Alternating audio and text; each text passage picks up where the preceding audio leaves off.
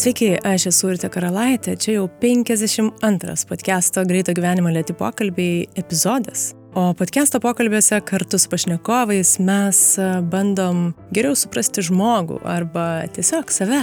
Jei netyčia podcast'o klausot pirmą kartą, tai kviečiu tikrai paklausyti ir kitų pokalbių su įvairiausiais svečiais, nuo psichoterapeutų iki verslininkų ir muzikantų, O epizodai išeina kas antrą trečiadienį, visus juos rasit Spotify, iTunes 15 min klausyk, kitose programėlėse bei karalaitė.com pasvirasis brūkšnys podcastas. Šiandien kalbuosi su startuolio Argyle technologijų vadovu ir vienu iš įkūrėjų Audrium Zujum.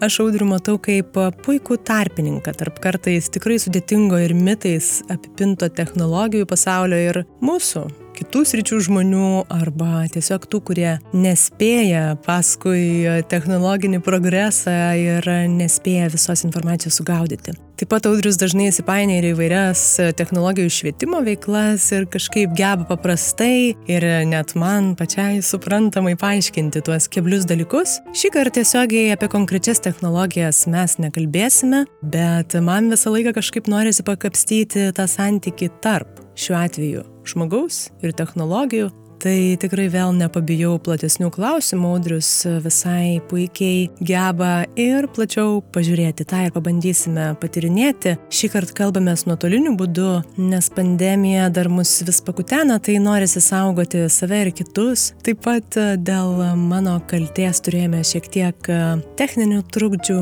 būkit mums atlaidesni. O už reguliarius jau daugiau nei du metus nemokamai visus pasiekiančius pokalbius dėkokim vis augančiai remėjų bendruomeniai. Šį kartą prie podcast'o Patreon draugų prisijungia klausytojai Julius Embrasas, Gediminas Palskis ir Rūta Vaitkutė. Ačiū visiems, kurie jungiatės prie mūsų šitos bendruomenės, nes man atrodo, kad tai yra didžiausia podcast'o stiprybė. Nepamirškit patikusiais pokalbiais dalintis socialinėse medijose su draugais. Norisi tiesiog, kad jie tikrai pasiektų tuos, kuriems jie galbūt būtų įdomus. Podcast'o kūrimą taip pat dalinai finansuoja Spaudos, radio ir televizijos remimo fondas. Pokalbis įrašytas Vilniaus universiteto radio stotyje Start FM, kurios galit klausyti Vilniuje FM dažniu 94,2 arba startfm.lt. Sklaida prisideda portalas 15 minučių.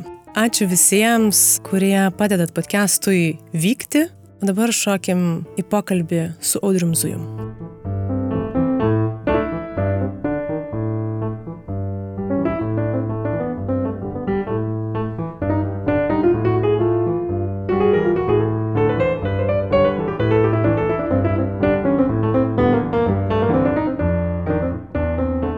Pradžioj tai pastebėjau, kai tik palėti tą temą, technologijas, tai vat visam turiniai visur kartojasi, čia jau iš lingvistinės pusės aš pastebiu žodis progresas. Galima iš karto galvoti, tai ar progresas tik teigiama, neigiama ar kaip.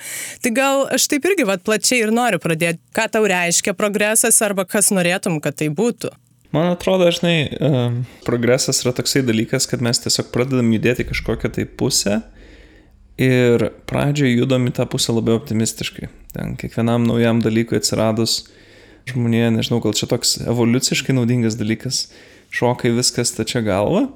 Tada judam, judam, judam link to ir kažkurio metu ateina sulėtėjimas ir suprantam, kad neišskrisime minulį visi gyvent, kaip buvo 60-aisiais, kai raketų bumas praėjo ar kad galbūt atominė elektra nėra vien gera ir yra kažkokiu iššūkiu, arba kad negali pasidaryti visų baldų ir aplinkos iš plastikų ir kad e, dalykai, kuriuos tu bandai naudoti visur, nėra tinkami visur. Labai gerai matosi tas toksai cikliškumas to suvokimo per socialinę mediją, pavyzdžiui. Facebookas, Twitteris, visi kiti dalykai mums atrodė tokie kaip nieko blogo net nešintis dalykai ir dabar praeis dešimt metų nuo jo atsiradimo, manau, kad, žinai, dauguma tikrai pastebi daugybę blogų dalykų apie juos. Ciklinis progresas yra labai įdomus toks konceptas, nes mes labai dažnai suprantam, kad dalykai, kuriuos mes sugalvojam pačioje pradžioje kažkokiam konceptui atsiradus, užtrunka ilgą laiką, 30-50 metų, žinai, gyvendinti. Kaip pavyzdžiui, pirmieji kompiuterių darytojai, kuriuos aš tau siunčiau pavyzdį, Doug Engelbart kalbos, sugalvojo, kaip veiks pelė, klaviatūra, sugalvojo ekrano kažkokį tai, žinai, interfejs ir viską kitą. Ir ta, ta jų idėja ir fantazija išsikerojo kažkiek. Ir dabar mes užtrunkom 50 metų, kad pagamintume tą patį dalyką ir išplatintume jį kuo daugiau žmonių, žinai. Ir yra turbūt tokios dvi progreso kreivės. Tai viena yra, kiek žmonių gali pasiekti kažkokią tą idėją, kuri jau yra padaryta, ir kiek yra naujų idėjų sugalvota. Labai dažnai grįžtant, ieškant kažkokio dalyko apie naujas idėjas ir technologijas, tu matai, kad labai daug dalykų jau buvo sugalvoti kažkada anksčiau atsiradus tai pirmai technologijai. Na kaip pavyzdys, vat, pavyzdžiui, virtualiai realybėje atsirado, žmonės pradėjo galvoti, kiek daug yra visokių dalykų, kas to galim padaryti, kaip žmonės pabėgs į virtualią realybę ir nebenorės kitur gyventi, sukurta apie tai daug filmų. Bet tada po truputį tam vystantis tu supranti, kad čia šita problema dar nebus tikra 50 metų, kiek daug idėjų dar ir, ir dalykų padaryti iki to reikia. Progresas yra tiesiog, kartais aš jį įsivaizduoju kaip galimybę kuo greičiau spausti gazo pedalą mašinoje, kurioje ne tu sukioji vairą ir nežinai, kaip atrodo kelias, kuriame važiuoji, bet tikimybė yra, kad kažkur pajudėsi nuo ten, kur dabar esi kažkuria pusė. Į labai gerą arba nuo kalno tiesiai. Bet čia yra turbūt geriausia žmonijos išgyvenimo strategija, kurią išmokom iki šiol su savo evoliucija ir už tai jinai tokia patraukli visiems atrodo.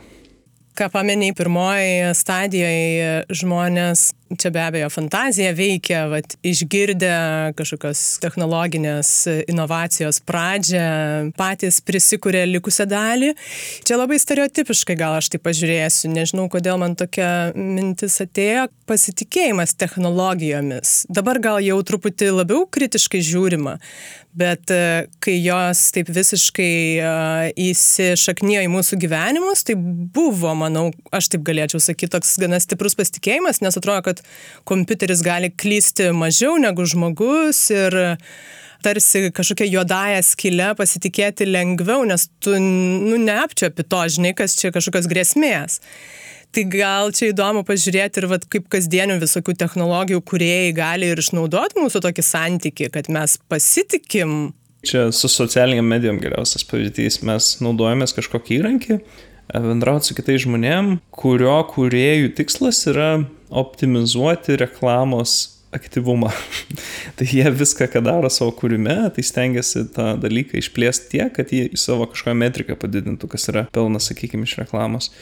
Šiaip žmonėm turbūt labai patinka abstraktinti dalykus ir sudėti, kaip tu sakai, vat, į, į juodą kažkokią tai dėžutę ir sakyti, čia yra technologija, mes ją galim pasitikėti. Bet šiaip ta pati technologija savyje nėra juodoje dėžėje, joje dažniausiai yra žmonės, jų kažkokie motyvai, jų norai kažką padaryti, tai mes dažnai labai vat, abstraktinam viską į vieną krūvą, sakom, čia startupai daro taip, arba technologijų kompanijos daro taip, arba, žinai, socialinė medija naudojama tam tik tais. Mums būtų turbūt labai sunku savo galvoje laikyti visą tokį kompleksiškumą sistemų ir kitų dalykų ir visada jį atsižvelgti ir dėl to mes taip kategorizuojam ir supaprastinam turbūt dalykus. Tas pats pasitikėjimas, jau kaip vat, ir, ir prieš tai palėtėm, pasitikėjimas kažkoje technologijoje ir panacėjos ieškojimas atrodo tokia labai kažkodėl žmogiška savybė. Galim tą patį pamatyti ir, ir ne technologijų spektre. Žmonės ieškodami vieną atsakymą į tiesą ar, ar, ar kažko atranda uh, crossfitą, veganizmą arba šiaip bet ką, nu, tiesiog daug gyvenimo būdų ir jais įtiki iki tokio ultimatumo ribos, kol po to laikui bėgant turbūt tai sušvelnėja. Tai manau, čia toks uh, žmonių savybė labiau negu technologijų savybė, kad mes sugebam rasti atsakymus į visus klausimus vienam atsakymė, kuris yra mums naujas toksai truputį prie, pamiršau, kaip artificial intelligence vadinasi lietuviškai staiga. Tavo siūstame video keletą visai įdomių minčių e, išgirdau. Ten sako, bet čia irgi labai plati mintis, kad it seems to have intelligent, but it doesn't. Only the intelligence we put in it čia ir žmogaus vat požiūris koksai, kad mes matom va, tą kažkokią technologiją ar kompiuterį kaip savarankišką, bet žmogus pats tą savarankiškumą sukuria. Tai gerai, tai čia atsitraukus nuo to, čia 63 metais pasakytos mintis, bet kaip yra dabar tuo met, kiek savarankiškos išminties jau gali turėti? O aš manau, kad tu su šituo, žinai, ta fraze, kurią pacitavai, čia labai taikliai pataikai ir šiandienos tą ta supratimą computer intelligence. Kad klausytam daugiau konteksto duot, tai mes žiūrėjome į 63 metų Sketchpad demo, tai buvo toksai dar kompam ne, neatsiradus toksai pavyzdys e, ant tos silografo ekranų, kaip galėtų atrodyti, tarkim, Photoshopas tuo metu. Žmonėm, kurie buvo nematę to pačiam žurnalistui, tai atrodė, kad ten yra kažkoks tais intelligence, kažkoks tai sumanumas dėl to, kad žmonės jį, jį ten įdėjo. Kai iš tikrųjų visas programavimas yra tiesiog kažkokių taisyklių rinkinių apibrėžimas. Aš dažnai, kalbant apie šitą intelligence, pradedu nuo pavyzdžio iš XIX amžiaus pradžios, XVIII galo, kai buvo bandoma daryti vadinamus automatonus. Tai buvo tiesiog mechaninės lėlės, kurios darydavo kažkokią tai funkciją. Ten mojuodavo rankom, ten rašydavo su ranka pieštuku tą patį žodį kažkiek kartų, tai buvo tiesiog prisukami, sakykime, tokie atrakcionai, bet žmonėm tai darė labai didelį įspūdį, nes jie matydavo tarsi žmogaus figūrą ir, ir vat, judantį daiktą, kuris kažką daro ir įsivaizduodavo, kad jis yra žymiai protingesnis, negu jis iš tikrųjų yra ir negu jis gali kažką daryti. Tai čia, man atrodo, mes labai panašiai tą patį darom ir, ir su kompiuteriai šiandien, ir, ir lygiai su to pačiu dirbtiniu intelektu. Vienintelis dalykas, kas pasikeitė šiandien nuo, sakykime, programavimo 60-70-aisiais, tai kad mes supratom, kad artėjant prie kažkokio labiau sudėtingų funkcijų aprašymo, mums visų įmanomų, sakykime, kampų neišeis aprašyti paprasčiausiais tais vadinamais if statements. Tai jeigu šitas buvo tas, Ir, ir žmonės vat, geriausiai šitą išmoko, bandydami atpažinti žmonių veidus, pavyzdžiui. Tai mes anksčiau bandėm rašyti algoritmus, kurie tiesiog sakydavo, jeigu akis yra taip atrodo, va, tiek yra nutolę viena nuo kitos, tai čia yra greičiausiai žmogaus veidas. Bet uh, visi šitie algoritmai nepuikiai veikdavo, kai situacija pasikeisdavo, pavyzdžiui, žmogaus veidas pasidarydavo iš truputį iš šono. Tai ką žmonės atrado, Ir, ir čia iš tikrųjų tą techniką atrado 70-ųjų gale, bet plačiai pradėjo naudoti tik tai vat, prieš kokį 10 metų. Tai pradėjo naudoti tokius algoritmus, kuriuos mes apmokam neparašydami sąlygas, bet pateikdami labai daug pavyzdžių su klasifikacija. Tai, pavyzdžiui, duodam jam milijoną arba 10 milijonų paveikslėlių su žmogaus veidu ir aprašymu, kad čia yra žmogaus veidas. Ir tada kitokių dalykų su aprašymais. Ir tas algoritmas mūsų skurtas geba rasti skirtumus, tos kaip ir realiai tokius sudėtingus if statementus iš mūsų pavyzdžių. Bet čia yra labai tokia vat, galinga technika, kuri dabar tą dirbtinį intelektą įgalina, sakykime, geriau negu žmogus atskirti veidus. Nors jis kaip ir savaime neturi kažkokio tai išmokto pačiam intelligence ar to gudrumo, jisai turi tokį tiesiog labai gerai iš pavyzdžių apmokytą žmogaus apmokytą algoritmą taisyklių. Ir tos taisyklės dažnai būna pakankamai sudėtingos, kad nėra paprastai paaiškinamas. Tai va, tai labai įdomu, nes tokiais pirmais žingsniais mes sugebam kažkokias vienas funkcijas žmonių gebėjimų aplenkti, bet nesukuriam to tikro, sakykime, intelligence. Ir štai žmonės vat, sukuria du atskirus terminus netgi, tai yra dirbtinis intelektas ir dirbtinis bendrasis intelektas, tai yra AI ir AGI. Tai vad AGI bando dabar apibūdinti tą, kas galbūt nebus per mūsų gyvenimus pasiekta, tai sukurti kažkokį tikrai žmogaus arba žmogų pralenkinti visose srityse intelektą, ko mes net neįsivaizduojam, kaip dar padaryti. O dabar mes naudojam tam tikrus vat, įrankius, kurie sugeba put something that looks like intelligence into things. Dar viena labai įdomi mintis yra tai, kad ne, žmogus išmoksta veidus atpažinti iš, iš kelių veidų, ar tai iš kelių na, vaikas augdamas mato savo tėvus, ten galbūt šeimą ir, ir, ir sugeba veidus atpažinti turbūt nuo kažkelinto mėnesio labai neblogai. Nors jis neturėjo, kaip sakant, tiek daug skirtingų pavyzdžių, kas yra veidas. Tai žmogus savo galvoje kažkokį turi neblogą sistemą, kuri jam leidžia generalizuoti iš, iš mažo kiekio duomenų. Čia yra tas, kaip sako, Holy Grail, kurį mokslininkai bando pasiekti, kuriant vat, AI algoritmus. Noras padaryti galimybę jiem generalizuoti iš kuo mažiau pavyzdžių, nes turėjimas daug pavyzdžių yra sudėtingas procesas ir mes negalim dažnai jų tiek sugeneruoti tam tikrose srityse. Veidų nuotraukų daug turim su aprašymu, bet pavyzdžiui, nežinau, jeigu mes dabar norėtume ten pradėti atskirti kažkokius specifinius dalykus, kurių daug pavyzdžių nėra, tai vad kyla iššūkis, kad negalim tų algoritmų taip apmokyti. O pats e, po to jau ta pati implementacija algoritmo iš kitos pusės, tai sakykime, mums reikia peržiūrėti visų pasaulio žmonių pasų nuotraukas ir atrinkti kažkokį žmogų. Tai žmogui tai yra neįmanoma užduotis kažkokiu normaliu laiko tarpu, o algoritmai tai gali būti visai paprastai greita užduotis priklausanti tik tai nuo kompiuterių kiekio. Tai va jie mus tikrai aplinkia to vadinamai implementacijos daly, kur jau mes paleidžiam kažką veikti ir tada įgalina kažkokius dalykus, kurių dar, žinai, ne, ne, nesam matę ar susipažinę. Tai va čia, čia ta, ta vieta tokia labai įdomi. Na, filosofai vienaip žiūri į įvairiausių technologijų kažkaip įsilindimą į mūsų gyvenimą, bet kaip tau pačiam atrodo, kas etiškai ar morališkai, va tau atrodo, jau peržengia kažkokias ribas, ar, ar galėtų tuoj tuoj peržengti? Čia paliečiant apskritai technologijas, ar, ar turi galvoje dirbtinio intelekto? Apskritai, ne? Tai gal apskritai mūsų etinės ir moralinės ribos tai yra toks konsensusas, bendras turimas, kaip mes norim gyventi ir, ir, ir kas mums patinka ir, ir, ir nepatinka. Tai a, dabar labai daug diskusijų yra, pavyzdžiui, apie veidų atpažinimą, žmonių sėkimą, apie kažkokią tai informacijos kaupimą apie žmonės. Tiek, kad kiekvieną website aplankę galim paspausti, kad ar sutinkam ar ne, kad apie mus sektų informacija. Nežinau, labai priklauso nuo konteksto. Čia toks labai, labai platus klausimas. Turbūt kiekvienas iš mūsų vienaip ar kitaip sutartų, kad kažkoks privatumas žmogui yra būtinas arba galimybė pasirinkti privatumą kažkurio metu. Ir čia turbūt sunku nepritartam būtų. Iš kitos pusės yra turbūt situacijų, kur kokios nors kritinėse situacijose galimybė žinoti, kur žmonės juda ir kaip jie viens kitą, pavyzdžiui, užkrečia pandemijos metu, galbūt yra atsveria naudingumą kažkokio privatumo lygio. Bet čia labai priklauso nuo, nuo konteksto turbūt. Bet čia labai įdomu, tu ką ir pameni, dvi pusės. Mhm. Kad su dažna technologija yra dvi mažiausiai turbūt e, panaudojimo Taip. kryptis - gera ir bloga. Nu, aš čia labai sutirštinu, nu, bet... Uh, ta prasme, kažką panaudoji ir gaunas, arba gerai ar blogai. Čia kaip Facebookas, ar gerai ar blogai. Tai, tai, tai vat, nežinau, ar vakar matei, bet um, Baltarusijoje su būtent dirbtinio intelekto pagalba buvo atskleistos tapatybės jo, jo. Mhm.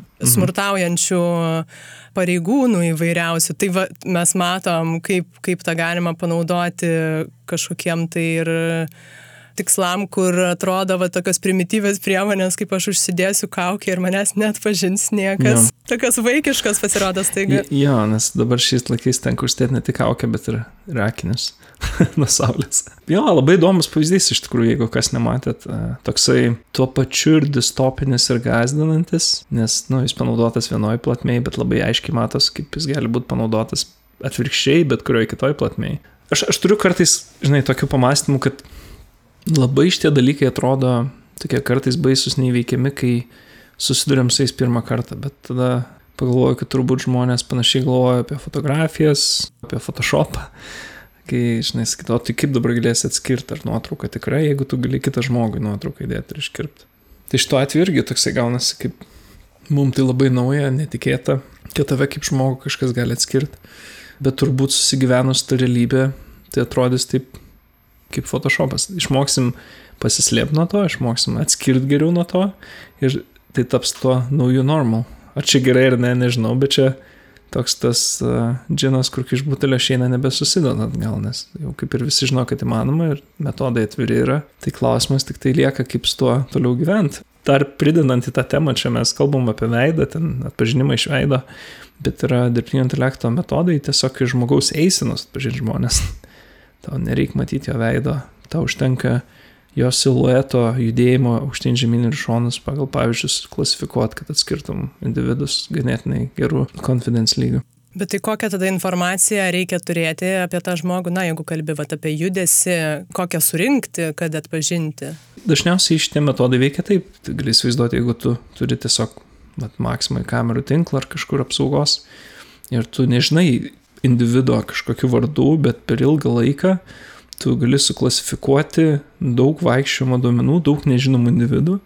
Ir tada, ką tau reikia daryti, tai pridėjinėti papildomus metaduomenys apie tai. Tai pavyzdžiui, jeigu tas nežinomas individas nuėjo iki kasos ir ten atsiskaitė savo kortelę ir tu sujungtum tas dvi duomenų bazės, tai staiga tas nežinomas šitaip judantis žmogus ar kitaip judantis žmogus gauna vardą pavardę, iš ko gali gauti veidą, nuotrauką ir kitus dalykus. Tai čia tokie penkių metų, trijų metų senumo akademiniai metodai, kur praktikoje dažniausiai nenaudojami. Taip, tai va aš šitą suprantu, bet tada galvojant realybėje, mm. na, tu sakai, kad tai dar e, praktikoje nevyksta beveik. Turiu menį, kad, na, Maksima turbūt negali atiduoti ir tų, ir tų duomenų visų tam, kad patirinėtų, kaip aš vaikštau. Aš, aš nežinau, žinai, nei, nei teisiškai, nei technologiškai, ar, ar, ar jie gali, bet nėra tai, sakykime, labai sudėtinga tiesiog daug šitų dalykų nėra, nėra taip plačiai žinomi, bet, bet kaip pavyzdys, turbūt labai dažnai susidūrė pat irgi su situacija, kur pažiūri kokią nors YouTube filmuką, papasakoja apie jį savo pažįstamėm ir jie būna irgi jį jau matę. Arba jį tau pradeda rodyti rekomendacijose, po to, kai su jais apie jį pašnekėjai, atrodo. Dauguma žmonių YouTube tik, žinai, gal kažkokia konspiracija, kad mikrofoną naudoja, nors to appsas neleidžia YouTube'as, bet to nereikia. Vienas iš dalykų, ką Google seniai darydavo ir, buvo daug diskusijų apie tai, tai tiesiog žiūrėdavo tavo telefonas, prie kokių Wi-Fi tinklų yra. Nebūtinai esi prie jų prisijungęs, bet tu matai visada Wi-Fi tinklus, kurie yra arti, ne? Turėdamas šitą informaciją, tu gali sudaryti žemėlapį, kurie žmonės buvo vienas šalia kito. Lygiai taip pat žiūrėdamas į žmonių telefonų Bluetooth adresus. Tai tu turėdamas šitą tinklą informacijos gali pasakyti, kas su kuo buvo susitikęs kiek laiko, kiek laiko jie praleido kartu ir jeigu vienas žmogus žiūri panašius dalykus ir kitas, yra tikimybė, kad jie mėgsta tokį paturinį. Mes dažniau suvokiam apie kameras ir vaizdus ir veido atpažinimą, bet to nelabai dažnai reikia, kad identifikuotum galbūt ne patį žmogų, bet jo pomėgius, ką jam pasiūlyti, kad daugiau reklamos jis pamatytų, ar tai geresnį turinį atrastų, ar kad ir kokie tavo tikslai būtų. Čia tada įdomu, vat, kaip tu pats jautiesi tame, paminėjai ir prieš tai e, visos svetainės e, kažkokius duomenis mūsų kaupia mm. ir aš taip pastebiu savo frustraciją, kad lyg ir norėčiau būti atsakinga už savo pasirinkimus ir patikrinti, kas čia ką nori iš manęs paimti, bet mm. yra nu, neįmanoma tiek apriepti kaip tu va šituose žingsniuose jautiesi, kur tu turi bet kokią va dabar patikrinti informaciją, sidarai visus iš eilės tinklapius ir ten e, visi reikalauja, nes kitaip tau netidaro, ja. ar ne, informacijos, kad pasimti iš tavęs. Kad tai vyks, kad vyks analizė, kaip žmonės kažką daro, tai čia turbūt neištvengiama, bet aš tikiu keliais tokiais, žinai, principais. Tai vienas iš jų, ką nu, ES šiuo metu irgi stipriai, žinai, stumia į priekį, tai yra, kad žmogui priklauso jo pačio duomenys. Tai kad tarkim tavo paliktas pėtsakas Facebook'e, ką tu veikiai, su kuo kalbėjai, priklauso tau. Ir pirmas dalykas, tu gali paprašyti kopijos to. Ir šiaip Facebookas suteikia, gali prisiųsti visą savo Facebook'o istoriją. Ten užtrunka ją sugeneruoti, parsinčia didelį zip failą, bet tu gali pamatyti savo, žinai, visas uh, e, 2008 metų pokalbių žinutės gėdingas kitai žmonėms, jeigu nori. Labai šiaip įdomus jausmas. Um, o tu bandėjai? Jo, jo, tu prasme, nes ten nueini, download Facebook archive, žinai, pasisiūst Facebook archyvą, paspaudai ir tau tiesiog parsiunčia visus to, kad nors rašytus komentarų, žinutės, nuotraukas ir panašiai. Bet iš kitos pusės, tai jeigu mes visi, žinai, sutiktume su šito principu, kad tie duomenys, kurie yra tavo, nesvarbu, kad jie yra kažkokiai platformai, tu pirmas dalykas gali paprašyti, kad juos ištrintų, antras dalykas gali jais disponuoti kitur, trečias dalykas juos gali prasisiųsti. Tai jeigu šitie trys principai galiotų, tai įveda labai daug tokios tvarkos ir galbūt moralinės teisybės tame, kad e, tave gali analizuoti žmonės, tu su to sutikai būdamas Facebook'e ar kažkur kitur, bet tu tuo pačiu ir turi kontrolę, kada tu to nebenori ir ką tu su tais duomenim nori daryti. Tai čia ta reguliacija tikrai nėra tokia tobula, nes mes dabar gaunam, žinai, savo komentarus ir nuotraukas, bet yra labai daug diskusijų apie, pavyzdžiui, Facebookas tave klasifikuoja pagal tai, kokias tu reklamas žiūri. Dabar tu gali pasirinkti tai, pakeisti nuėjęs, kaip sakant, žinai, ištrinti savo kažkokius pomėgius, pakeisti, kas reklamas gauni, bet ta visa tavo interakcija su viskuo, ta visa metadata apie tave yra lygiai taip pat tavo sugeneruotas turinys, mano manimu. Pasimatys, kur tai teisiniai sistemai nuguls tiek Amerikoje, tiek, tiek Europoje, bet atrodo, kad viskas juda į tą pusę, kad žmogus, tarsi, turi savo duomenis ir jam priklauso jie netgi, jeigu jie yra kitoj platformai. Aš šiaip e, panašioj srityje dabar dirbam, kur leidžiam žmonėms išimti savo duomenis darbo ir perduot kažkam kitam. Tu pamini Facebooką, mhm. tai taip, viskas tvarkoj, bet e, jeigu galvojant apie visas, va dabar įmanomas ten svetainės, kur aš apsilankiau ir jeigu aš norėčiau iš visur ištrinti, aš turiu visur rankiniu būdu tą daryti turbūt. Jo, dabar tai yra tikrai pati pradžia ir, ir, ir taip pat suvokimas, kad tai vyksta ir jis yra netobulas, bet taip, jeigu taip žiūrint toliau, tai tarkim mes lygiai taip pat turim atsisakyti visų naujienlaiškių arba reklamos e-mailų, kurie mums ateina. Tai yra nepatogu, jų yra daug, bet lygiai taip pat galėtume paprašyti ir atsisakyti kažkokio standartizuoto būdu savo duomenų davimo iš kažkurių svetainių. Turbūt yra ateityje bus labiau centralizuotų mechanizmų ir, ir, ir daug visokių kitų dalykų, kur tu galėsi sakyti, prašau surask, kur aš buvau ir prašau padėk man atsisakyti visų dalykų, žinai, kuriuos tenai aš, aš palikau. Tai nėra lengva techninio požiūriu, tai yra labai sudėtinga, ypač turint daug kažkokių tais veiksmų padarytų tenai kažkokiose svetainėse. Bet viskas juda link to. Nes įdomu, pavyzdžiui, jeigu aš dabar nuspręščiau, kad viskas, aš nenoriu jokios informacijos apie mane online, kad mhm. jokių Google'as dalykų nerastų, tai yra neįmanoma. Ne, yra, yra šitie, Google'as turi mechanizmą iš, išimti informaciją, kuri atitinka tam tikrus standartus teisinius. Tai yra, pavyzdžiui, nebegaliojančių ten kažkokių teisinių sprendimų paviešinimas. Aš netiksliai gal aš tą sakau, bet Bet dažnai būna, kai mes ieškom kažko Google, mum išmeta žinai paraštę, kur parašyta yra, kad kai kurie rezultatai buvo išimti ten jų vartotojų prašymų. Tai yra agentūros šiaip, kurias gali pasisamdyti, kurios tavo prašymą eina ir ten prašo Google išimti dalykus žinai, ir panašiai. Bet tai yra, nu, vėlgi toksai, sakykim, nestandartinis uh, reikalas. Šitą vietą įdomi klausimas, kiek žmonių tai rūpi, kur atsiras tas balansas, nes turbūt yra kažkoks naudingumas tau gaut reklamas, kurios tau svarbios, ar ten kažkokius pasiūlymus, bet yra ir kažkoks privatumo dalykas. Tai va ta galimybė rinktis privatumą ir galimybė rinktis savo duomenų kontrolę, tai atrodo yra tai, kuo daug kas tiki, tuo, ko aš tikiu ir tai, kas ateityje atrodo vis labiau stipriai bus ginama. Žinai. Tikiuosi. Jo. Nes taip, pastaruoju metu aš tikrai jaučiu frustracijos, kad, kad negaliu to taip. čia savo rankose išlaikyti, net jeigu ir norėčiau labai. Mm. Čia dabar aš norėčiau tau truputį laisvą temą duoti, ne laisvą, bet mm -hmm. apie existential technologies. Tai aš Aha. labai per mažai greituoju būdu paskaičiau, man labai ten įdomu, bet gal tu galėtum trumpai, kuo tai skiriasi nuo įprastų, nes ten taip ganėtinai abstraktu mhm. yra, ar ne? Jo, bet apie ką tu tiksliau turi galvoj, kurį, kurį iš tų dalykų, apie ką mes diskutavom prieš tai? Aš bent jau kaip supratau, kas yra existential technologies, tai tos, kurios um, žmogaus egzistencijai kažkokią tai pėtsaką palieka, grėsmę, kaip čia įvardinti.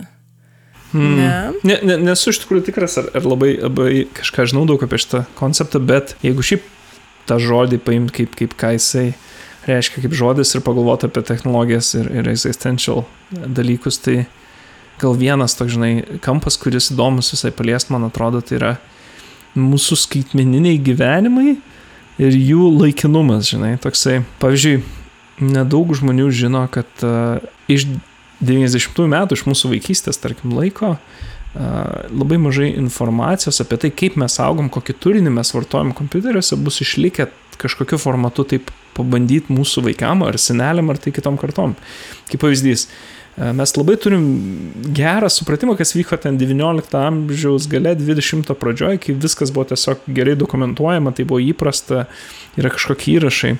Bet dabar, jeigu norėtume suprasti, kaip jautėsi žmogus atėjęs į pirmą Google versiją, ieškodamas informacijos. Arba kaip jautėsi žmogus, bandydamas internete surasti draugų 94 metais. Kaip tai įtakojo gyvenimą.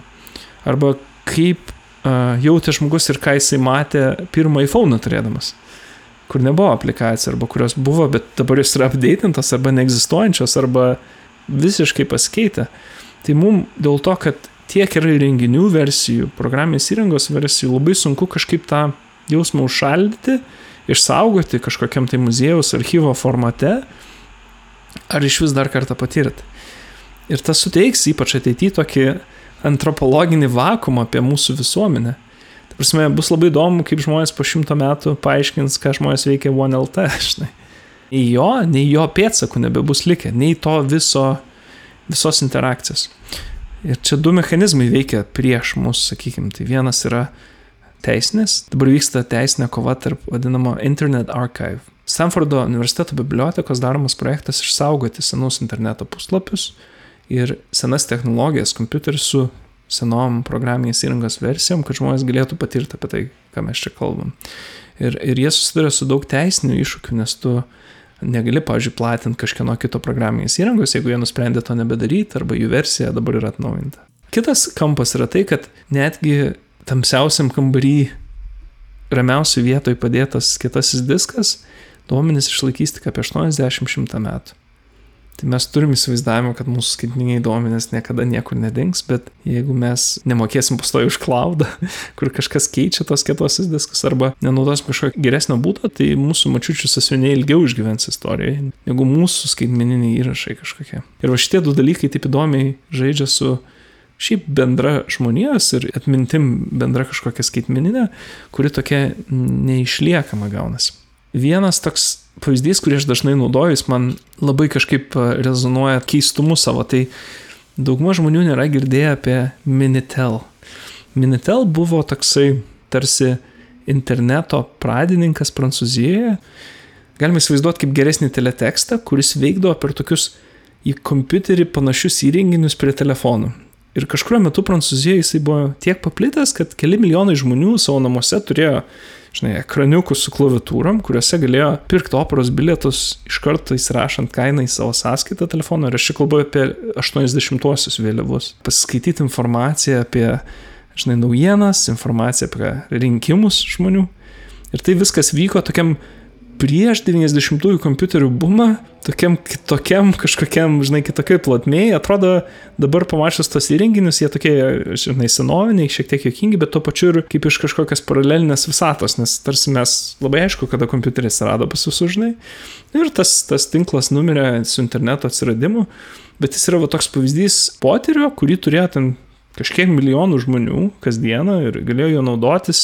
Tai buvo jų gyvenimo kažkokia dalis, galbūt netokia didelė, bet mes dabar nebegalim to pabandyti, suprast. Nu, suprast galim, bet pabandyti ir, ir patirti. Tai vad parodo, kaip 30 metų senumo, sakykime, technologija dingo iš kolektyvinės atminties žmonės iškart galima pagalvoti ir apie kiekius, kiek visko yra sukūriama, na, per mm, taip. nereikia ir šimtmečio, ar ne, 30-50 metų ir kokio muziejaus reikėtų, kad visą tą surinkti ir patalpinti. Taip. Aš ir pati esu susimaščius apie tai, kad e, norėdama, žinai, elementariai išsaugoti savo visas nuotraukas, aš turbūt jau daug kartų feilinau ir nežinau, kokiuose ten harduose pamečiau ir taip toliau. Man šita mintis irgi buvo kilus, kad nuotraukų albumai, žinai, iš kurių mes kaip ir juokiamės, prablukusių mm -hmm. ten e, tokių 90-ųjų stiliaus su data, jie, jie yra, jie vis dar yra. Taip. Ir... E, o, o tie hardai stalčiuose, kur lygtai yra nuotraukų, bet niekas nebežino kur ir kaip. Klausimas, ar jie išgyvens taip ilgai, kol mes norėsim pažiūrėti ir kaip tai viskas atrodo, žinai. Čia tu paminėjai irgi na, antropologiją ar sociologiją. Įdomu irgi, ar tuo metu, nežinau, 90-ųjų pradžioj suvokė, kad šitie momentai, šitos patirtis, kaip pirmas pažiūrėjimas į internetą, yra tiek vertingos, kad tą reikėtų tyrinėti. Aš manau, kad visi mes neįsivaizduojam, kai gyvenam tas good old days, žinai, geras senas dienas. Ta prasme, mes jas tiesiog gyvenam, kažkaip jaučiamės Ir tada prisimenam, kad kaip anksčiau buvo, koks įdomus laikas buvo, kiek buvo daug kažko visko vyko, kažkokių inovacijų. Tai čia visą laiką žmonės turbūt ne, ne, nesuvokia, kad gyvena kažkokiam vėliau pripažintam istorijos, žinai, virsme, kuris galbūt svarbus yra. Neseniai kalbinau tautosakininkę, mm. kuri ir paminėjo, kad e, daugybė dalykų šitų, kurie vyksta ir yra tautosaka, kurią turėtų rinkti dabartiniai tautosakininkai ar ateities, o toks suvokimas, žinai, kad tautosaka yra tik tai babyčių, ten, žodžiu, praeities dalykai, o ne memai, kurie irgi, vad, galbūt visi prapuls e, skaitmeniniai juodoji skiliai man įdomu, kas parašys savo pirmą, žinai, e, daktaro laipsnio diplomą tautosakui iš kanalo Baras analizės Mirkė. Ir kaip žmogus bendravo per Mirką IRC vadinamas čatus 90-ųjų pradžioj, kokie santykiai vyko tarp administratorių kanalų ir žmonių, kurie neturėjo opostas vadinamos galimybės ir kokius apklausų kvizus visi darydami ten džiaugia savo gyvenimu. Jo, čia tokia modernių dienų antropologija, kurios nebet kartosi dabar ir, ir įrašai apie ją likę tik žmonių galvose ir pasakojimas. Bet aš ir norėjau sakyti, kad jeigu tas doktorantūros darbas, tyrimas nėra atliktas, tai dabar e, jau nebegali to, bet, bet argi, nu, turiuomenį nebent surinkti nu, čia... atsiminimus tik tai.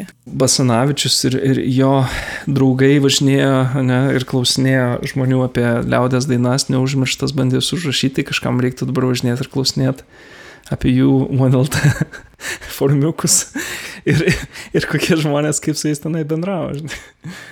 Šiaip įdomu, nes aš pati, pavyzdžiui, ne viską atsimenu. Vat ką tu pasakoji, tai man kažkaip tokie neišlikę yra. Mhm. Aš tokius primityvesnius ten Mirko dalykus mhm. atsimenu. Mhm. Gerai, tai žiūrėk, aš taip pabaigai tiesiog pagalvojau ganėtinai gal ir mhm. į kasdienį tokį lygmenį nueiti. Na, žinoma. Nes tu pats ir, ir mažuose dalykuose, ir, ir, ir aišku, ir darbe, ir kasdienybėj naudojas technologijom Tenka. ganėtinai plačiai. Na, turint omeny tavo ir va, šviesas išmanesias kažkadaise, nežinau, ar bet turi jas. Kaip tu kritiškai matai, žinai, savo pasirinkimus ir mhm. kaip išlaikai tą balansą, va, kad negyventi tarkime, tik tai, žinai, online, kas tau puikiai turbūt sektųsi. Reiktų turbūt pradėti nuo apibūdinimo tos e, dabartinės dienos, turi, kuri netgi man gal tokia neįprasta yra. Dabar pilnai dirbu nuotoliniu būdu, žinai, mes turim 30 žmonių startupą, kuris neturi ofiso ir yra 13 šalių. Diena truputėlį pasikeičia nuo to, kaip anksčiau, tarkim, atrodydavo. Nežinau, ar galiu teikti, kad negyvenu technologijų pasaulyje tik taip, bet jeigu labai trumpai, tai tiesiog mes daug visokių aš IT projektų visą gyvenimą dariau, domėjausi ir gal technologijos man tiesiog natūraliai nuo vaikystės buvo įdomu. Technologijos turbūt tokia vis tiek įdomu, aistra arba tas rytis man buvo, kurioje aš žinau, kad vis laik norėsiu kažką veikti. Jų daug visokių yra ir, ir, ir daug skirtingų dalykų teko daryti. Bet vat, pastrosius du metus darom tą vadinamą remote first, nuotoliniu būdu pirmą veikiantį startupą su kolegom iš JAV kas yra vis tiek įdomi patirtis tuo, kad tokių įmonių yra nemažai, dabar yra virš tūkstančių žmonių turinčių įmonių, kurios lygiai taip pat veikia, be jokio ofiso veikia tik nuotoliniu būdu ir dažniausiai per 60 valstybių, žinai. Tai mes dabar augam nuo 31 iki 100 žmogaus, samdom 60 žmonių iš esmės dabar. Ir tai yra labai įdomu, nes, nes pirmas dalykas, tai mano iš esmės gyvenimas atrodo taip, kad aš turiu va, savo darbo vietą, darbo kambarį kurį ateinu ryte, jame turiu kažkokį tais patobulintą mikrofoną ir kamerą, nes čia yra vieninteliai mano inputai ir outputai su pasauliu susijusiu ir visas mano tas, žinai, darbas yra Slack appse ir Notion appse. Tai yra du appsai, kurie iš esmės įgalina mus visą kompaniją sėkmingai, žinai, valdyti iš savo kompiuterio. Įdomi patirtis tuo, kad taip dirbdamas tu niekada nesijauti, kad dirbi daugiau negu su kokiais 4-5 žmonėmis. Tas jausmas to visą laiką yra, kad tu lygiai taip pat kaip tam Mirkė, kuriem aptariam, turi kanalus, tik tai darbo, temas, problemas, kurias sprendi, pastoviai esi turbūt susiskambinęs, panašiai kaip mes dabar va šnekam kažkokiu tai būdu, diskutuojam įvairius dalykus, bet tu kaip ir esi savo namų kontekste.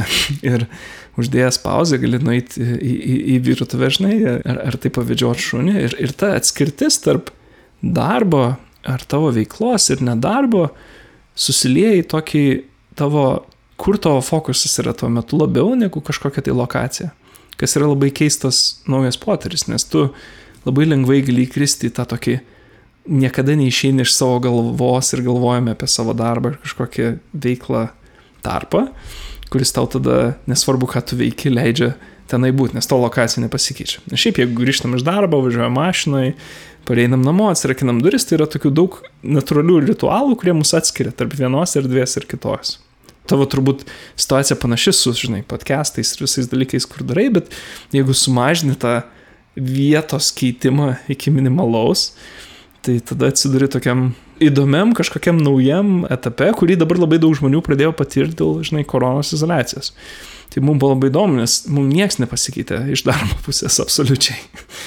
Ta prasme, pasikeitė man šuns vedžiojimo, sakykime, kaip, kaip aš darau, labiau negu darbas, nes darbas iš esmės mums praktiškai visiems dirbant, žinai, programuojant ar dirbant su technologijom, atrodo taip pat kasdieną. Tai šitas naujas virsmas ir į nuotolinį darbą man atrodo labai įdomus, nes, nu, aš tikėčiau, kad daug žmonių, kurie dirba ofise, dirbs taip nuo šiol. Ir, ir tai turbūt turės daug labai įdomių pasiekmių, žinai, ten didesnės, didesnių būtų kainas, nes darbo kambarys taps toks dalykas, kurio kaip reikia žmonėms, nes sunku dirbti iš svetainės, žinai. Turbūt atsiras tokių dalykų, kur žmonės dar labiau norės atskirtą laiką savo kažkokį tai darbą ar ne. Ir, ir galbūt, žinai, į hubus ir vietas sugrįž kabinetų konceptas. Nes darbui efektyviam tau reiks užsidaryti vis tiek į kažkokią erdvę tylę, kad iš jos, iš, iš jie, žinai, galėtum visiškai išsijungti. Tai nežinau, man šita tema visą laiką atrodo dabar įdomi, nes jinai tokia aktuali, nauja ir, ir, ir labai keičia gal kaip žmonės gyvena.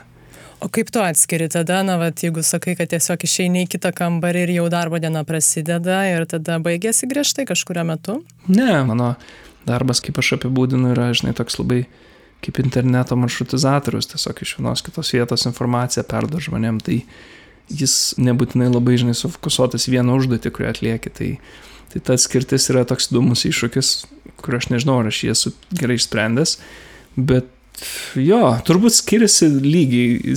Telefone atrašinėjai sleko žinutės visą laiką, bet leidi savo pasiskirti kažkokius laikus, kai nusprendė, kad aktyviai nusprendė išsijungti buvimą su savo ten meta pasaulio darbo ir tą turi padaryti labiau aktyviai negu pasyviai tiesiog pakeitęs lokaciją. Nu, tai ar tai eidamas kažkur kitur, ar tai tiesiog nuspręsdamas, kad dabar veiksiu kažką kitą.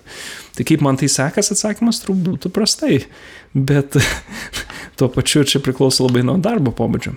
Mes, pavyzdžiui, turim programuotojų, kurie turi apsibrėžę savo ribas, sako, aš noriu dirbti tik tai va šituo metu Turim tokių, kurie labai varijuoja jų darbas, dar dirba naktį, kartais, kartais ryte, kartais dieną, priklausomai nuo jų pomėgių ir, ir gyvenimo, žinai, tokio ciklo. Turim žmonių, kurie ypač prieš kroną keliaudavo ir dirbdavo. Tai vėlgi labai keičiasi ir laiko zonos, ir tas darbo dalykas. Bet labai yra įdomu, kad, žinai, susitikus visiems vienoje vietoje, kai mes darom kažkokius tam off-site'us, būna labai keista, nes tu supranti, staiga su kiek daug žmonių dirbi. Nors tu visą laiką realiai juos kaip žmonės, matai per vat, video kažkokį skambutį, telefonų interakcijas ir per tokią tam tikrą prizmę, žinai. Kas yra labai efektyvų darbo prasme, bet labai įdomu, nes tai išjungia tam tikrą dalį to tokio žmogiškojo potyrio, kas šiek tiek gal darbo ramesnį padaro, nes tu pakalbi su žmogum ir tada skambutis baigėsi ir tu kaip ir su juo nebesi toj pačioj aplinkoje, žinai. Tai įsivaizduok, jeigu tu turi kolegų, sakykime, kuriuos labai mėgsti, kitus mažiau mėgsti, kažkas dar, tai tas viskas keičiasi su tuo, su kuo tu esi tuo metu suskambinęs. Kitas dalykas dar yra tas vadinamas asinchroninis darbas. Tai pirmas žmonių instinktas, kai pradeda nuotoliniu būdu dirbti, yra visą laiką būti skambutyje. Tai susijungiam ir mes va čia šnekam, čia dirbam. Nu, nes aš kaip ir, vat, ir tu kaip ir tam pačiam kambarį, bet ne. Bet iš tikrųjų tas asinchroninis darbas, gebėjimas daryti savo dalykus ir palikti žinutės, nesitikint iš karto atsakymo, sakykime, kažkokiam formatui, įgalina tokį darbą per daug laiko zonų ir įgalina žmonės susikaupti ir kažkaip būti efektyvesniais. Čia irgi labai įdomu. Labai daug yra dabar tokių šaltinių apie tai įdomių pamastymų. Bet kaip tau tada atrodo, na gerai, apie tą žmogiškąjį faktorių, na ypač komandai ar ne, kaip tu tą matai? Čia dažniausias klausimas būna, kaip susibildina tas komandos jausmas, dvasia. Mm. Aš naudoju dažnai šitą pavyzdį, kad yra žmonių, kurie žaisdavo kažkokius interneto žaidimus ir turėdavo, žinai, supažindavo su žmonėm ten. Marijonas Mikutavičius yra pasakojęs, kaip jis World of Warcraft žaisdavo ir turėdavo savo gildiją ir visi ten turi kažkokį tai socialinį kontraktą, commitment ir, ir grupę. Tas darbo jausmas tikrai yra, komandos tikrai susikalbėjo dirba kartu ir, ir išsivysto normalūs žmonių santykiai, prasideda taip labiau panašiai kaip tie, žinai, žaidimų poteriai, nes tu esi vis tiek kažkiek virtualiai, tu su žmogum kalbi visą laiką. Dabar turim darbuotojų iš Ispanijos, Anglijos, Švedijos, Austrijos, Latvijos, Lietuvos, Naujosios Zelandijos, Tailando, Airijos, Brazilijos, Argentinos ir JAV. Žmonės labai skirtingi ir, ir labai įdomu būna kartais po to, kas kažkiek laiko, nu, dabar jau sunkiau tai, bet uh, pamatyti jos realybėj. Bet jūs esate susitikę? Jo, jo, ta prasme, mes esam turėję du visos kompanijos, tos vadinamas offsites. Na, būtume sekanti dar, bet karantinas tą kaip ir pastumė į priekį. Čia labai įdomu, nes stereotipiškai mes lyg ir sutinkam, kad kažkokį va tą mhm. žmogiškai faktorių, tą žinai, kad ar aš matau tave ir tavo akis ir priešai save, bet tarsi atima kažko. Taip, ir kaip Instagramo filtras pagražina nuotrauką, tai video filtras atima dalį tokių nežinau kaip vadinti, social clues, to jausmų, kuriuos tu jauti būdamas kito, žinai, žmogaus ten. Pavyzdžiui, susitinkimų kambarį, jeigu tu sėdi, darais aplinkui, tu matai kažkas tušnukų paaišo, kažkas spaudo mygtukus, kažkas neklauso, kažkas yra liūdnas, kažkas linksmas, tai visi ta jausmų gama yra tokia suspausta šiek tiek video skambučių metu, žinai. Vienas iš šaltinių to poveikių teigiamų yra, kad toks streso lygis darbe emocinio, dėl to, kaip žmonės jaučiasi, kad jie turi atrodyti ar ne, smarkiai sumažėja, žinai. Mes, pavyzdžiui, esame irgi vat, turėjo žmonių, kurie sako, man, man yra vis tiek ten daugiau streso bendrausiu žmonėm, kaip intravertai, intravertui. Ir man, pavyzdžiui, fainai, kad galiu pasirinkti, kada aš noriu su video pasišnekėti su žmogum, kada tik su garsu, jeigu šiandien jaučiuosi, žinai, susivėlęs ir nenoriu niekam rodyti savo veidą. Arba kada galima tiesiog pastoji, žinai, susirašyti. Jeigu tai būtų vien susirašymo būdu, tai manau būtų toks didesnis atotrukis nuo realybės ir kažkokio galimybės susijungti. Bet žinai, va šitas toksai video bendravimas dalį tų dalykų perdoda. Yra tokia įmonė GitLab, tai jie 1300 žmonių turi, va taip, per 60 šalių, žinai, ir yra pirma kompanija, kuri taps, e, ta vadinama publicly traded, tai yra viešai pardavinėjama akcijų biržai, kaip nuotolinė kompanija. Kas labai keista yra, nu jie kaip ir įdomus pavyzdys yra šitoj srity. Ir kas yra labai keista, tai jie, pavyzdžiui, visus savo vidinius susitikimus deda į YouTube tiesiog. Gali nueiti į YouTube kanalą ir pažiūrėti jų neįdomius susitikimus darbo šiandienos. Bet čia su kokia idėja?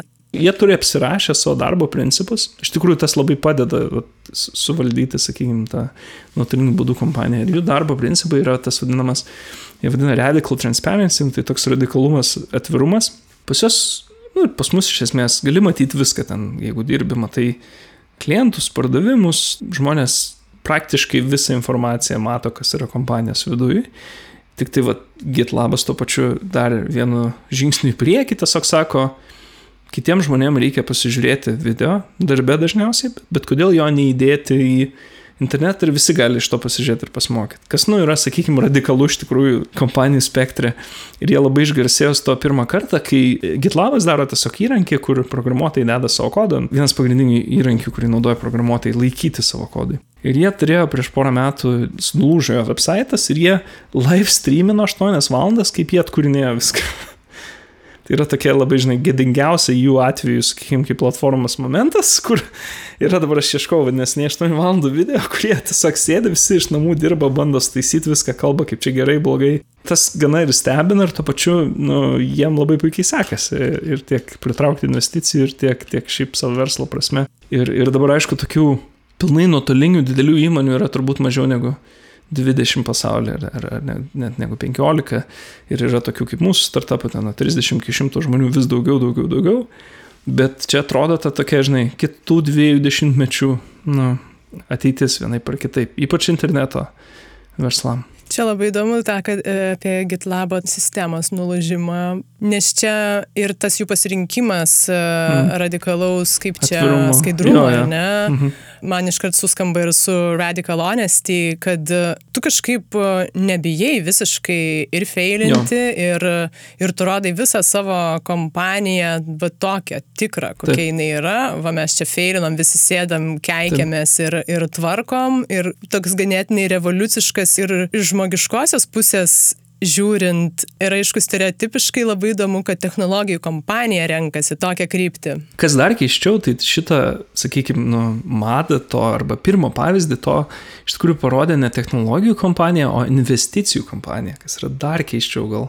Bet e, yra toksai žmogus Ray Dalio, Jis yra parašęs knygą Principles, jinai gana populiari e, knyga. Jie buvo pirma investicijų kompanija, kurie pradėjo taikyti algoritminį tradingimą, vadinamą akcijų prekybą. Ką jie daro, tai jie bent jau kompanijos viduje, jie pradėjo įrašinėti pirmi ten 70 kažkėlintais, žinai, kasetes visus susitikimus, kad visi galėtų pažiūrėti. Ir ta prasme, tu bet kurį susitikimą įmonės gali pažiūrėti. Nu, nebent ten yra kažkas, žinai, super, ko negali visiems dalinti vystant vis toliau, jam augant į tą vieną didžiausią investicinių kompanijų, jie sugalvojo tą terminą Radical Transparency ir jie pradėjo ten daryti įdomius dalykus, ten, pavyzdžiui, e-mailus visus, pridėti visus įmonės darbuotojus į vadovų e-mailus. Toks, kur tu, tu matai visą bendrą judesi kažkokį tai. Ir kaip tu sakai, iš to Radical Honesty dalies, tai buvo įdomi studija apie jų kompaniją, kurią darė man atrodo, Stanfordo, jeigu neklystų, psichologai, kurie ėjo ir tyrė dėl to, kad visi tiek feedbacką duoda, tik viskas yra atvira, kaip darbė jaučiasi žmonės, žinai. Nes jie iš vienos pusės buvo investicijų kompanija, žinoma, tuo, kad labai aukšti darbo standartai, žmonėm nesiseka, jos atleidžia, priima kitus, bet tie, kurie likdavo, ten jausdavosi, kad gali būti pilnai savimi toje kompanijoje, jiems nereikia būti kažkuo kitu, negu jie yra šiaip darbe. Ir dėl to, žinai, jie turėtų ten labai aukštą pasitenkinimo lygį darbo. Tai jie va taip apie 80-90-osius šitą išsikristalizavo ir pirminovavo. Ir labai daug tų, žinai, kompanijų kaip vat, GitLabas, ten TopTalas. Dar kitos jos pereidamos į tą remote modelį dalį šitų dalykų perima. Aš dar noriu tavęs paties tada trumpai paklausti, ar šitos istorijos, kurias tu mm. pasakai apie kitas kompanijas, jos vis tiek ateina su kažkokiu rizikingu pasirinkimu, žingsniu, neįsivaizduoji, kur tai nuvestų, dalį duomenų, kaip ir paleidai į orą e, atvirų. Kaip tu pats, na, būdamas ir vadovas mm. dabar startupo, kuris reikalavo irgi turbūt kažkokių tai rizikų. Koks tavo paties santykis mhm. su tuo? Aš manau, ką GitLabas daro su atvirais meetingais YouTube yra, nu, tikrai radikalų šiandienos supratimui. Jie tai gali iš dalies daryti dėl to, kad jų produktas yra infrastruktūros įrankis programuotojams, kurį jie gerina pagal jų feedback, ar jų klientai yra pavieniai programuotojai ir įmonės, bet jis yra toksai, kaip įsivaizduokim, nežinau, žinai, gamintum kėdes ir tu, tipo, visas problemas kėdžių dėtum. Nu, kaip, kaip ir visi supranta, kaip, kaip ir nėra tokio labai didelio konflikto tarp to, kad tu esi atviras ir tarp to, kad tu būdamas atviras gali geresnį produktą padaryti. Čia tikrai aišku, kad ne visos įmonės tą galėtų daryti. Lygiai taip pat mes, mes dirbam, žinai, su žmonių duomenim ir leidžiam juos perduoti iš vienos vietos į kitą JAV rinkoje. Tai savo darbo duomenis, kiek tu uždirbi, gali padalinti ten savo draudimo ar banko kompanijai, sakykime. tai tu vis tiek dirbi tokiai erdvėjai, kur viskas yra daug labiau jautru ir tu tikrai negalėtum viso to taip atvirai daryti. Bet iš kompanijos vidaus pusės mes lygiai taip pat stengiamės atvirai priimti sprendimus, tiek atvirai ten kalbėti apie ten sėkmės, nesėkmės ir, ir, ir, ir panašius dalykus. Ir labai įdomu, kad kai prieimi kažkokius va, tokius, žinai, principus, pradedi apie juos galvoti, ten kartais sugalvoji dalyką ir po to paskaitai, kad kažkas kitas lygiai tą patį sugalvoji, bet tada supranti, kad taip turbūt nutiko dėl tos pradžios, žinai, kurią pasirinkai. Jeigu sakai, darysim atvirai, tada atvirai reiks kalbėti apie problemas, tai tada dažnai problemas reiks aptart, kaip tą aptart ir, ir va, taip susidėlioja tas toks natūralus judėjimas, kaip viskas vyks. Jo, daug įdomių iššūkių yra, mes pavyzdžiui turim labai keistą galbūt samdymo procesą, nes nedarom tokių interviu, kaip dauguma tiek kompanijų darom. Mes turim tokį gal įsivaizdavimą, kad tu turi padaryti realų dalyką su realiai žmonėm ir pasižiūrėti, kaip tu sakęs, nes tikimybė, kad tu spręsdamas užduotis sugalvotas, kurios yra tiesiog, žinai, nu, ta prasme, darydamas susispaudimus, nesužinosi, ar gerai žaidži krepšinį. Tai čia labai panašus, žinai, pavyzdys yra. Čia kontekstui tiek kompanija, žinai, ten Vėlgi tas pats Google turi ten kokius aštuonis interviu, ten užduotis ant lento, žinai, užduotis namie ir panašiai. Mes taip labiau pragmatiškai tą žiūrim ir labiau, žinai, per pokalbio prizmę, nes tu gali žmogui parodyti, ką jam reiks daryti, paklausti, o kaip jis tą darytų ir jis mano, kad gali tą daryti. Ir daug žmonių yra, žinai, nu, ganėtinai nuširdus, kad ne, nesupranta, kaip gali daryti, bet mano, kad gali išmokti arba mano, kad negali išmokti. Ir jeigu tai nepristatai kaip kažkokio, žinai, laimėjimo ar nelaimėjimo, labai daug kartų esam gavę tokį, žinai, teigiamą feedbacką, kad, tipo, o, tai ačiū, kad pasakėt, kad čia netinku, nes tai čia viskas ok, žinai. Nu, tiesiog iš to, iš to pačio pokalbio, jeigu tai nėra kažkoks nenatūraliai, žinai, skonstruotas toks pažymio rašymas žmogui, bet yra tiesiog paskalbėjimas, ar, ar tu nori šitą daryti ir gali, ką mes darom, ar ne. Kaip tu sakai, prisėmė riziką. Ir čia toks nebijojimas tiesiai šviesiai eiti kažkaip, jo, ir atvirai. Bet tas tiesiai šviesiai nebūtinai turi būti taip grubiai, žinai. Tai vat, gal... Taip, taip, taip. Tai ačiū Audriau už tavo išvalgas. ačiū Urte.